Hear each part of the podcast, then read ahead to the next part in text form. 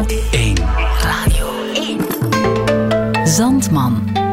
Met Leila Eldekmak. Welkom bij Zandman. Nog steeds jouw plek voor de schoonste verhalen. En het werk dat je zo meteen gaat horen valt daar voor mij helemaal onder. Het gaat over troost. Het kruiswoordraadsel dat ik zo net nog invulde omschreef troost zo: bemoediging bij verdriet. Dat vind ik mooi. Want troost is iets ongelooflijk kwetsbaar en we hebben het allemaal ooit nodig. Die bemoediging bij ons verdriet. In de radioserie Troosttonen, gemaakt door Marije Schuurman-Hes, horen we prachtige persoonlijke verhalen over pijn en troost. In ruil voor elk verhaal maakt Marije Schuurman-Hes een lied. Speciaal voor Zandman selecteerde ze twee werken uit de reeks. Het verhaal van Zara en het verhaal van Baban. Dit is Troosttonen. Ziekte, scheiding, verlies van een kind, zelfdoding, een verloren jeugd. Verhalen van pijn en troost. Troost tonen. Sommigen zeggen dat troost niet bestaat. Anderen vinden de ultieme troost. Soms duurt het maar een paar seconden. En af en toe vind je troost waar je het nooit had verwacht. En jij, Baban, ik luister naar je verhaal. En je krijgt aan het eind een liedje.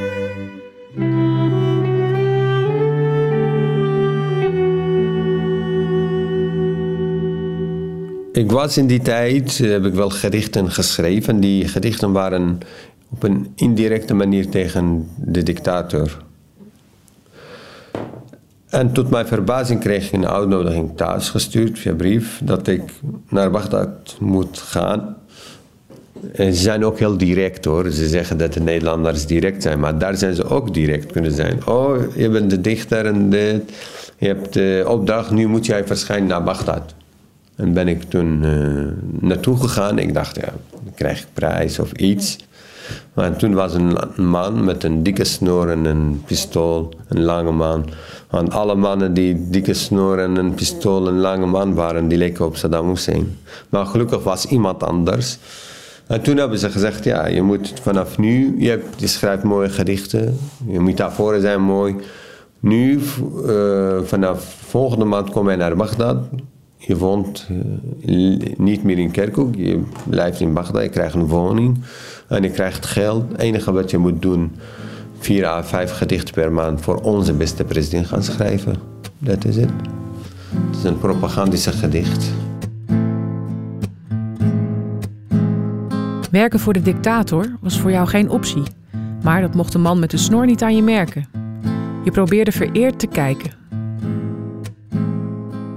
Ja, je kan niet zeggen, ik doe het niet en zo. Dan uh, gaan ze jou direct pijn doen of vermoorden of noem maar, maar op.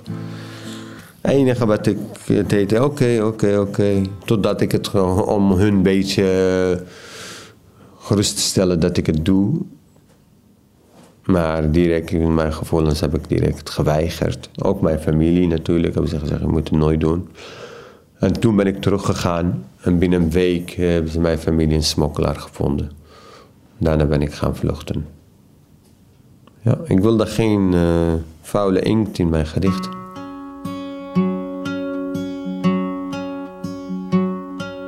Je zit aan tafel te vertellen in je woonkamer in een jaren 50 flat, ontworpen door Rietveld. Een oranje bank, een babybox bij het raam. Je dochter Mina is zeven maanden. Ja, waar zit Mina? Zie lekker boek, baba? Oh, Mina is net wakker. Esta hasta, Mina. Toen de jeep klaar stond, toen wist ik dat ik, ja, uh, ik zal uh, voorgoed uh, de stad verlaten waar ik geboren ben. En de familie en ook mijn moeder.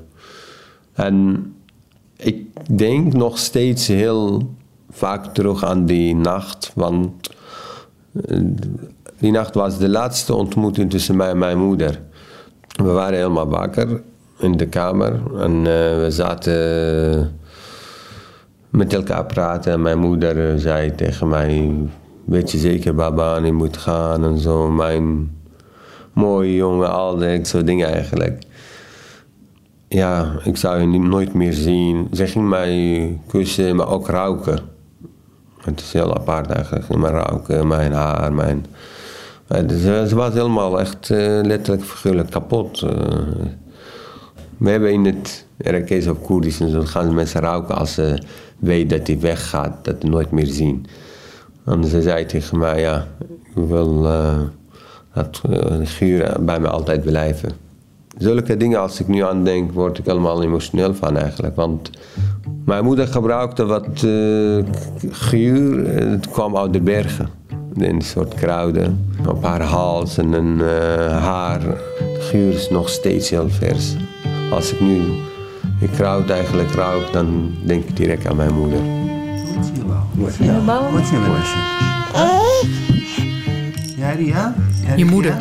Slank, smal gezicht, zwarte ogen. Een gracieuze vrouw. Je lijkt op haar. Je herinnert je dat ze op het dak van het huis brood bakte in een terracotta oven. Tussendoor bakte ze een klein broodje voor jou, met vijgenjam. Ze was heel uh, intuïtief, heel slim eigenlijk. Kon dingen heel goed uh, waarnemen. Wat je denkt of wat je voelt. En ze was tegelijkertijd, uh, ik noem haar krachtig of sterke vrouw. Omdat zij in de oorlogtijden in Irak kon ze ons heel goed beschermen. In zin van ze ging altijd op het dak kijken of dat uh, militairen of de geheime dienst of het regime wilde mij en mijn broers naar gevangenis brengen. Dus was uh, onze bewaakzaam eigenlijk. Het is een soort bodyguard, maar niet in dienst van bodyguard, in dienst van moeder bodyguard eigenlijk. Wat nou? Verhaal van Schap. Komt helemaal uit de bergen en gaat op bezoek bij Mina. Dan zeg ik, Mina, het is bij jou op bezoek gekomen. Vind jij het leuk, hè? Gosje? Gosje, Mina? Bergeke?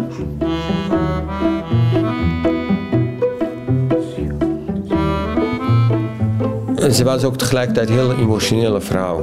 Die nacht dat ik moest gaan vluchten, de jeep stond klaar om vijf uur mij uh, naar uh, andere land brengen. Op een illegale manier. Zij ging heel veel huilen die nacht. En haar ogen waren dik en rood van de tranen.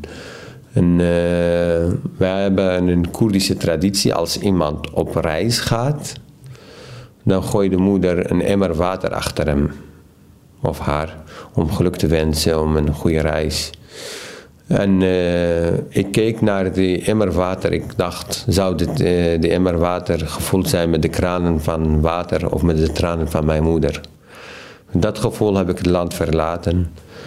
En ik miste heel veel uh, haar. Ik dacht, ik zou ooit haar terug willen zien. Want ze zei tegen mij toen ik wegging, misschien zie ik je nooit meer. Misschien daarna ben ik dood. Of ja, in die situatie was het niet zeker of jij ooit terug zou gaan naar je eigen land. Maakte een lange reis door de bergen en kwam uiteindelijk na maanden midden in de nacht met de trein aan in Nederland. Je kwam in een asielzoekerscentrum.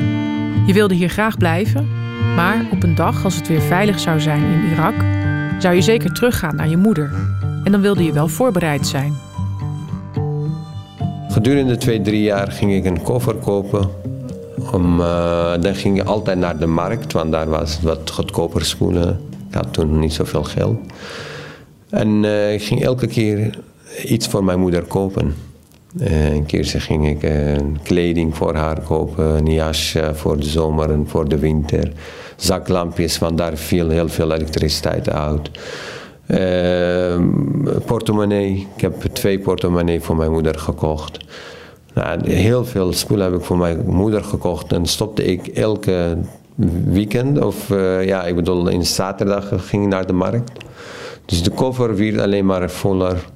En als ik naar de koffer keek, dan kwam mijn moeder eigenlijk, haar verbeelding op de koffer. Ik dacht, ja, dus hier is zij eigenlijk, want later krijg ik al die cadeautjes van mij. In december 2003 zat je elke dag te wachten op post over je verblijfsvergunning. Je hebt wachten nog nooit zo diep ervaren. Ik wachtte op uh, verblijfsvergunning, maar ik kreeg toen niet. En ik kreeg geen daarvan een heel verdrietig uh, nieuws. Ze wilden mij uit Koerdistan, Irak. En ze hebben gezegd: Ja, mama is dood, overleden. Zij is niet meer in het leven. Je kon niet naar haar begrafenis, want dan zou je opgepakt worden. Je zus legde door de telefoon uit hoe het was gegaan. Het lijkt op een ijzer, en niet dat ze ijzer is, maar ik bedoel metaforisch, die door de regen, zoveel wind, zoveel regen, ze is gewoon versleten door de oorlog, door de vermoeidheid, door de angst, door de paniek. Zij is uh, ja, opgevreten door de, al die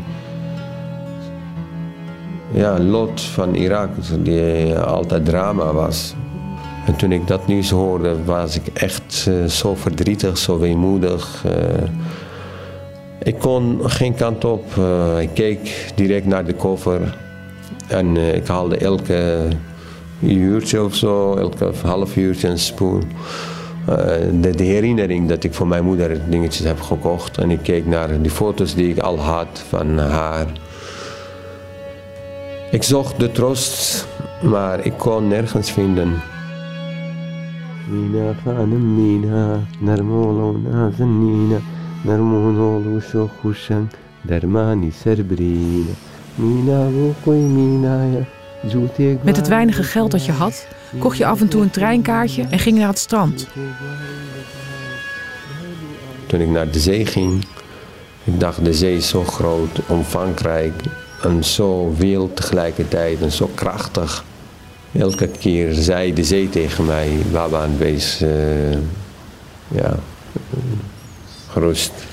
Want uh, je moeder is wel dood. Maar uh, haar geluid, haar stem blijft altijd met mij leven. Elke golf die ik geef, elke beweging die ik neem, ziet de ziel van jouw moeder hierin. En zo ben je dus op gezette tijden te vinden, met je voeten in het natte zand, ergens aan de kust. Omdat de meeuwen jou vrij doen voelen en de zee je troost is. Dus het was een soort, ontstond een conversatie tussen de zee en ik. Toen heb ik wel ook een gedicht daarover geschreven. Dat gedicht is gepubliceerd in 2011 in de bundel Territorium. Mijn moeder, Niemand begrijpt de zee, zoals de meeuwen. De zee, haar geluid, de stem van mijn moeder. Het is uh, wel een uh, wat kleine gedicht, maar zij is groter dan uh, alles voor mij eigenlijk.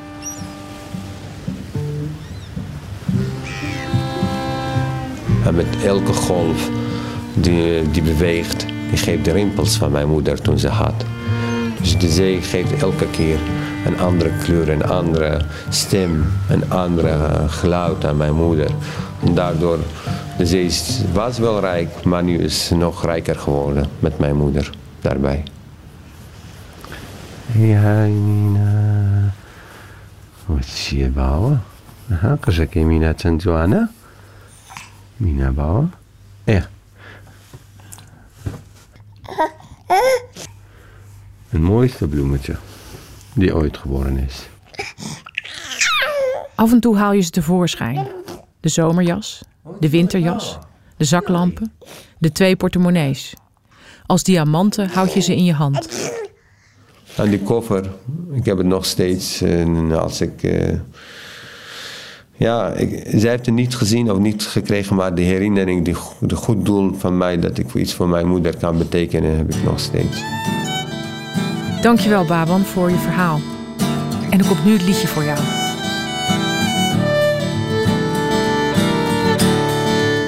Eén voet op het zand, één voet in de zee, een koffer in je hand.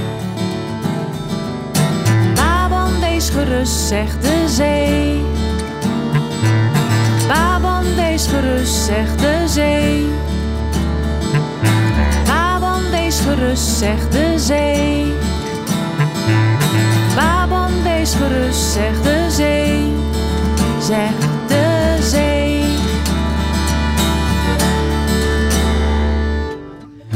Met mijn rimpeling teken ik de zorgen van je moeder. Je herkent haar in mij. Met mijn geluid bedank ik jou voor al je lieve geschenken. Kom maar op met die koffer. Met mijn water vul ik een gulle emmer voor het afscheid van je moeder. Met mijn zout stuur ik je de geur van de bergen terug die hij achterliet bij haar. En jij zingt. Niemand begrijpt, de, zee, de zee, zoals de meeuwen. zoals de meeuwen. De zee, De zee, haar haar geluid, de stem van mijn de moeder. stem van mijn moeder. Baban, wees gerust, zegt de zee. Baban, wees gerust, zegt de zee.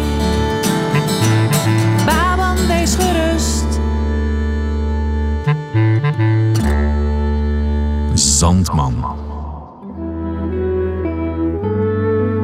Scheiding, ziekte, verlies van een zus, een moeder, zelfdoding. Verhalen van pijn en troost.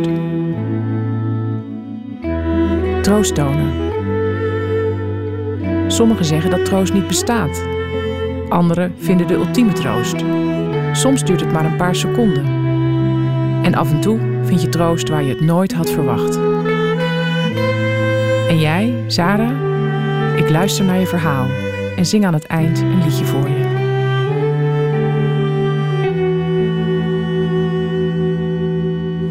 Goedemiddag, kan ik helpen? Ja, ik zou graag mijn haar willen kleuren en knippen. En ook nog mijn wenkbrauwen epileren als dat kan. Ja, dat kan. We beginnen met kleuren. Oké.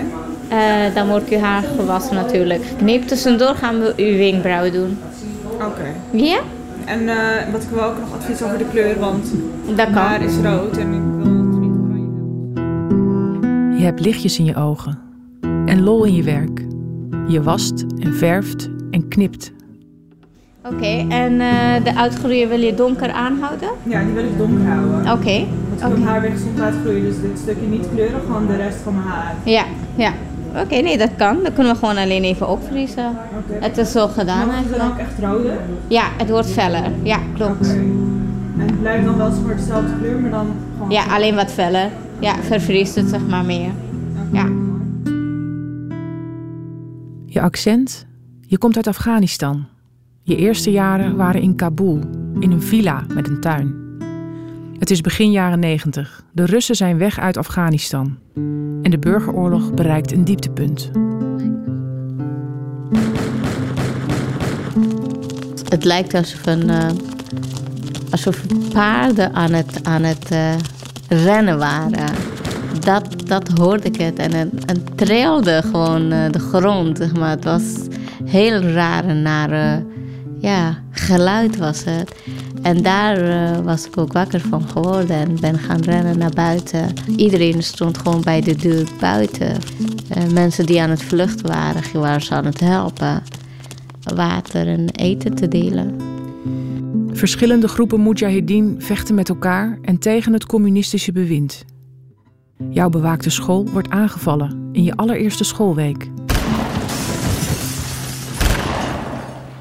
Wat ik wel me kan herinneren, ik was aan het schrijven. En kwamen mensen binnen en we waren gewoon met mond open van... hé, hey, eh, wat doe jij met zo'n lange baard en wie ben jij? En met die lange jurk, want dat waren wij niet gewend. We waren totaal een hele andere familie opgegroeid en dat was voor ons een shock. Gewoon alleen hè, los van wat ze bij zich hadden, gewoon die kleding en die, die, eh, die, die baard, die was al eng genoeg voor ons. En daar waren we al heel erg geschrokken. En ik zat te kijken van, uh, gewoon bestuderen aan te kijken van, wat, wat, wat, wie ben jij, wat heb je bij je? Ik geloof dat was Mujahideen. En uh, zij uh, ja, verklaart ons allemaal kind van communisten. En begon die neer te schieten. Het, we hadden de tijd niet om zich te verstoppen. En, ja, en daar lagen kinderen ja, onder de bloed. En ik dacht ook dat ik dood was eigenlijk. Maar het was het geval gelukkig niet. Het was afschuwelijke nachtmerrie, ja.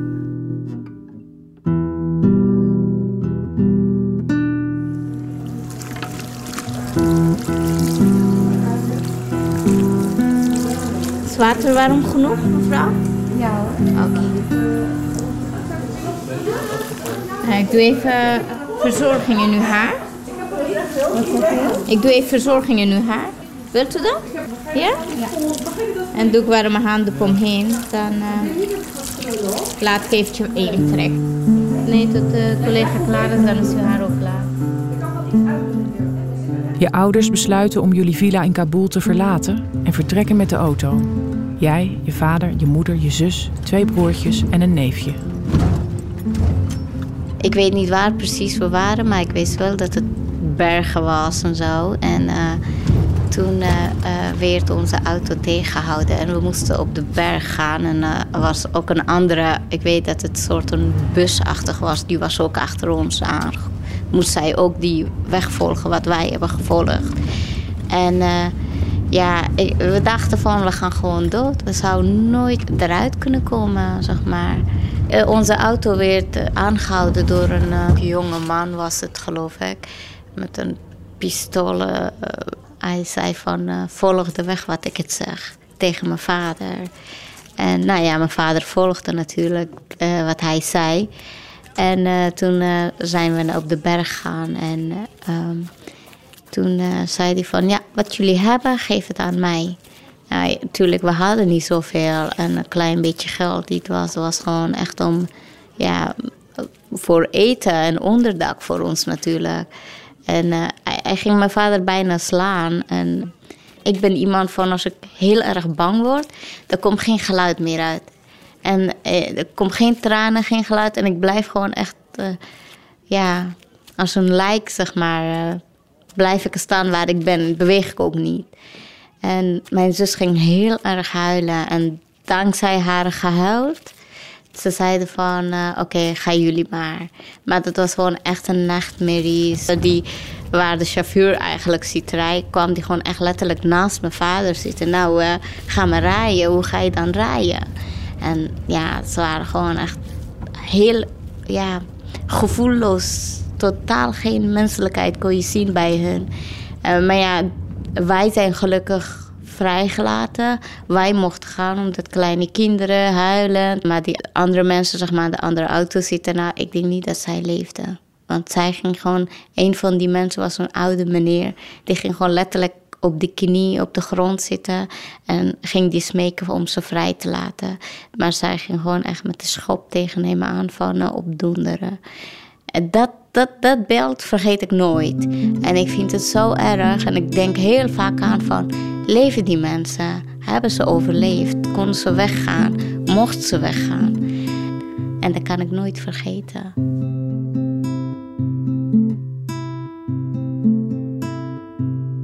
Ik denk kilometer verderop hebben we ons weer tegengehouden. Maar ik weet wel dat mijn zus ging roepen van... papa, alsjeblieft, alsjeblieft, niet stoppen, rij maar door. En uh, we gingen doorrijden en zij ging gewoon neerschieten. Maar gelukkig, onze auto was niet geraakt.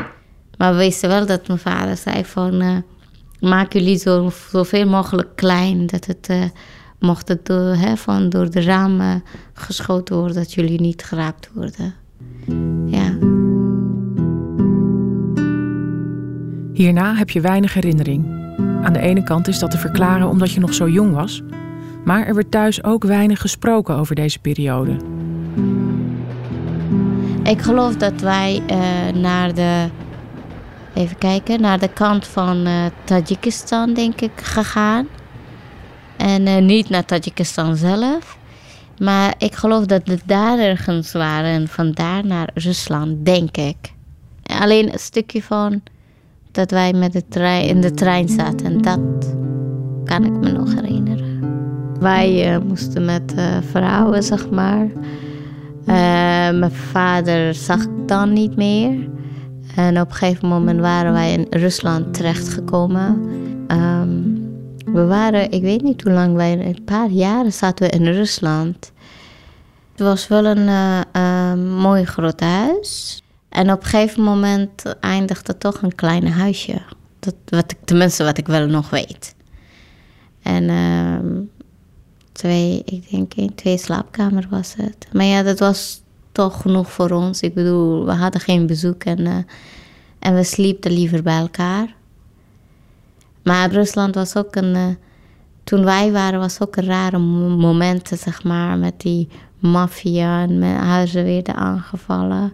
En ik weet wel van dat een keer was bij uh, ons verlet. We hoorden hele harde geluiden. En achteraf kwamen we achter dat het maffia was geweest bij hun thuis. En ja, daar word je natuurlijk wel. Uh, tenminste, mijn moeder geloof ik zeker dat ze bang voor was geworden. Van uh, alleen uh, staande vrouw met kinderen en ja, met zes kinderen, ja. Best heftig en moeilijk, ja.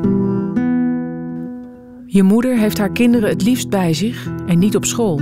Uit angst dat er wat gebeurt in het grote Moskou, waar jullie zijn beland. Ze is immers zonder je vader en kent niemand. En ondanks dat mijn moeder die laat weinig merken aan ons dat ze moeilijk had, eigenlijk niet bijna niet. Vind ik wel heel knap en dapper van haar. Maar uh, ja, als kind ben wil je graag naar school. Wil je dingen gaan doen. Wil je spelen buiten zonder zorg te hebben. En uh, ja, dat was het in, het geval bij ons niet, zeg maar. En ik vroeg me af van waar is mijn vader? Wij allemaal. En uh, ik weet wel dat mijn moeder begon altijd een andere onderwerp.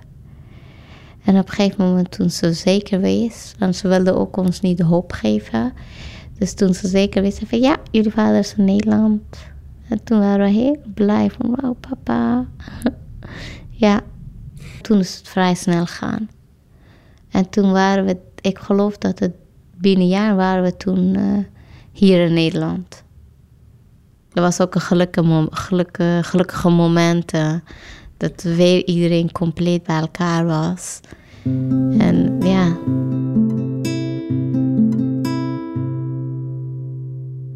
In een dorpje in Friesland leren jullie Nederlands. De buren die bang zijn voor overlast, denken lange tijd dat alleen je ouders in het huis wonen. Ze horen immers geen geluid. Jij bent intussen al bijna volwassen, maar je loopt met je ziel onder je arm. En bij mij ging heel langzaam, terwijl het bij de rest gewoon heel snel uh, ging, zeg maar. Uh, op school en, en uh, ja, dat de rest die past zich ook sneller aan. Ik geef een voorbeeld. Ik was zo ongemotiveerd met alles dat het. Um, zelfs de docenten van mijn zusje broertje zeiden van... hey, ik zie jouw zussen die fietsen. Eentje fietst heel snel, die andere heel langzaam. En ik, ik moet eerlijk zeggen, toen ik op school zat, ik deed anderhalf uur om naar school te komen met de fiets. Terwijl dat mijn zus was binnen 20 minuutjes, kwartiertje.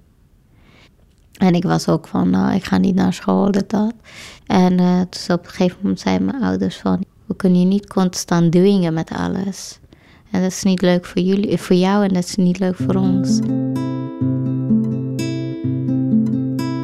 Op een dag kwam je vader bij je zitten met een stuk papier en een potlood. Twee blokjes had hij getekend. En zei hij van dit is donker en dit is licht. En als je bij die donkere plek blijft, dan zie je verder niks. Je bent waar je bent. Maar wanneer je bij die lichte plek bent, dan zie je om je heen wat er gebeurt. En dan heb je zelf ook een vooruitgang. Dat je gewoon geen, geen tijd hebt om, om je tijd te verspillen aan iets die geweest is. Kijk, ik kan, ik kan wel verdrietig blijven zijn van, oh, ik heb dat meegemaakt. Oh, ik heb... Maar ja, er zijn mensen die nog erger dingen hebben meegemaakt. Iedereen heeft wat meegemaakt. Wil je stijlen? Ja, klopt. Oké, dan halen, laten we gewoon een stijl. Ja, Is het naar uw wens? ja perfect. Oké, mooi zo. Heel mooi. En de wenkbrauwen? Wilt u ook geverfd hebben, uw wenkbrauwen? Of dat eh, Nee, niet? ik vind het wel donker genoeg. Wat Ja. zou jij adviseren? Nou ja, ik zou het ook niet doen. Nee, ja? Nee, het is wel donker genoeg. Ja, Ja. Oké. Je begreep wat je vader bedoelde en het werd je troost om vooruit te kijken. Je ging een opleiding doen in de grote stad. Ik heb haarstylistsopleiding, daarvoor heb ik gekozen. Ehm, dus het was wel heel moeilijk voor mijn ouders dat ik voor de kapsopleiding had gekozen. Omdat toch, waar ze zijn wel ook gestudeerd en ze verwachten ook meer van mij. En ehm, dus ik moest mijn extra best doen eigenlijk. En ik heb eh, drie jaar afgerond in Nederland. En eh, ben naar Parijs gegaan voor internationale hairstyling. En daar heb ik een certificaat voor gehaald.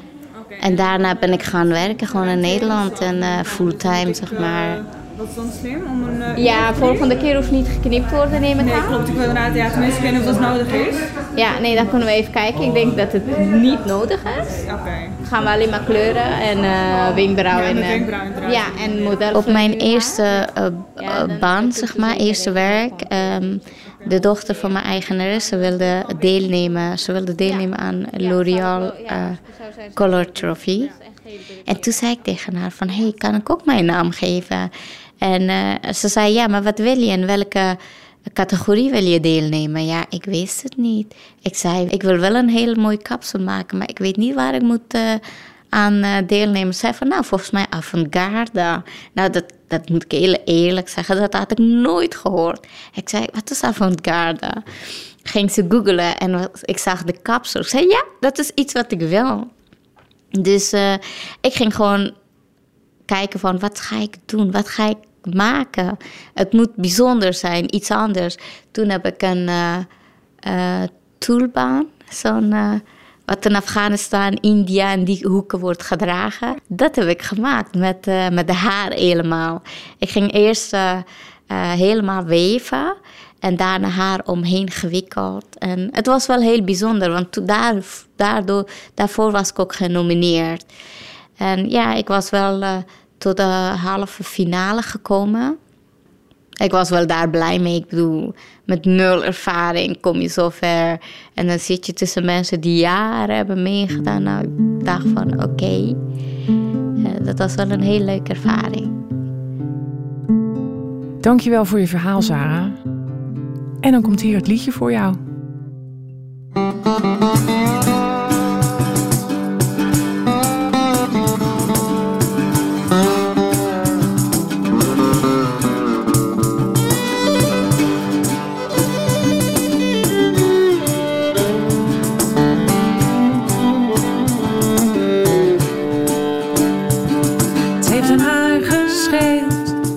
Of je was geraakt door een man die schreeuwde dat alleen zijn God bestaat. Door de kogel van een man in een ver vreemd land, in een vreemde klas. Word je stiller nog dan vroeger, je vertraagt je pas. Je wordt stiller nog dan vroeger, je vertraagt je pas. Twee kleine blokjes maar tekende je vader. Je moest toen kiezen, wat doe je later? En je besloot, ik prik mijn luchtbel leeg. Ik word groot.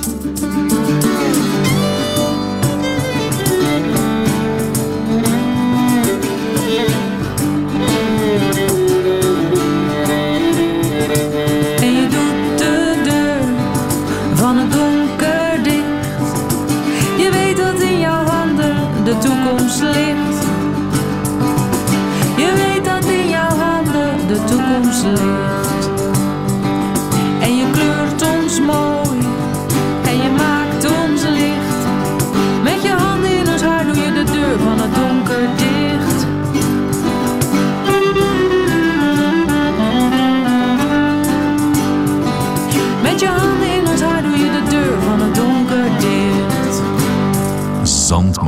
Dit was het prachtige troosttonen van Marije Schuurman-Hes. Het werd mogelijk gemaakt door het Mediafonds en de VPRO. Je kan de andere afleveringen uit de reeks beluisteren via radiomakers De Smet. En als je de naam Marije Schuurman-Hes herkent, is dat omdat ze ook de maker is van de documentaire uit de derde aflevering hier, Hondenerfenis. En als je, net zoals ik, fan bent van wat ze maakt, zoek haar dan zeker eens op. En kom dan daarna lekker terug naar hier voor een nieuwe Zandman. Tot dan!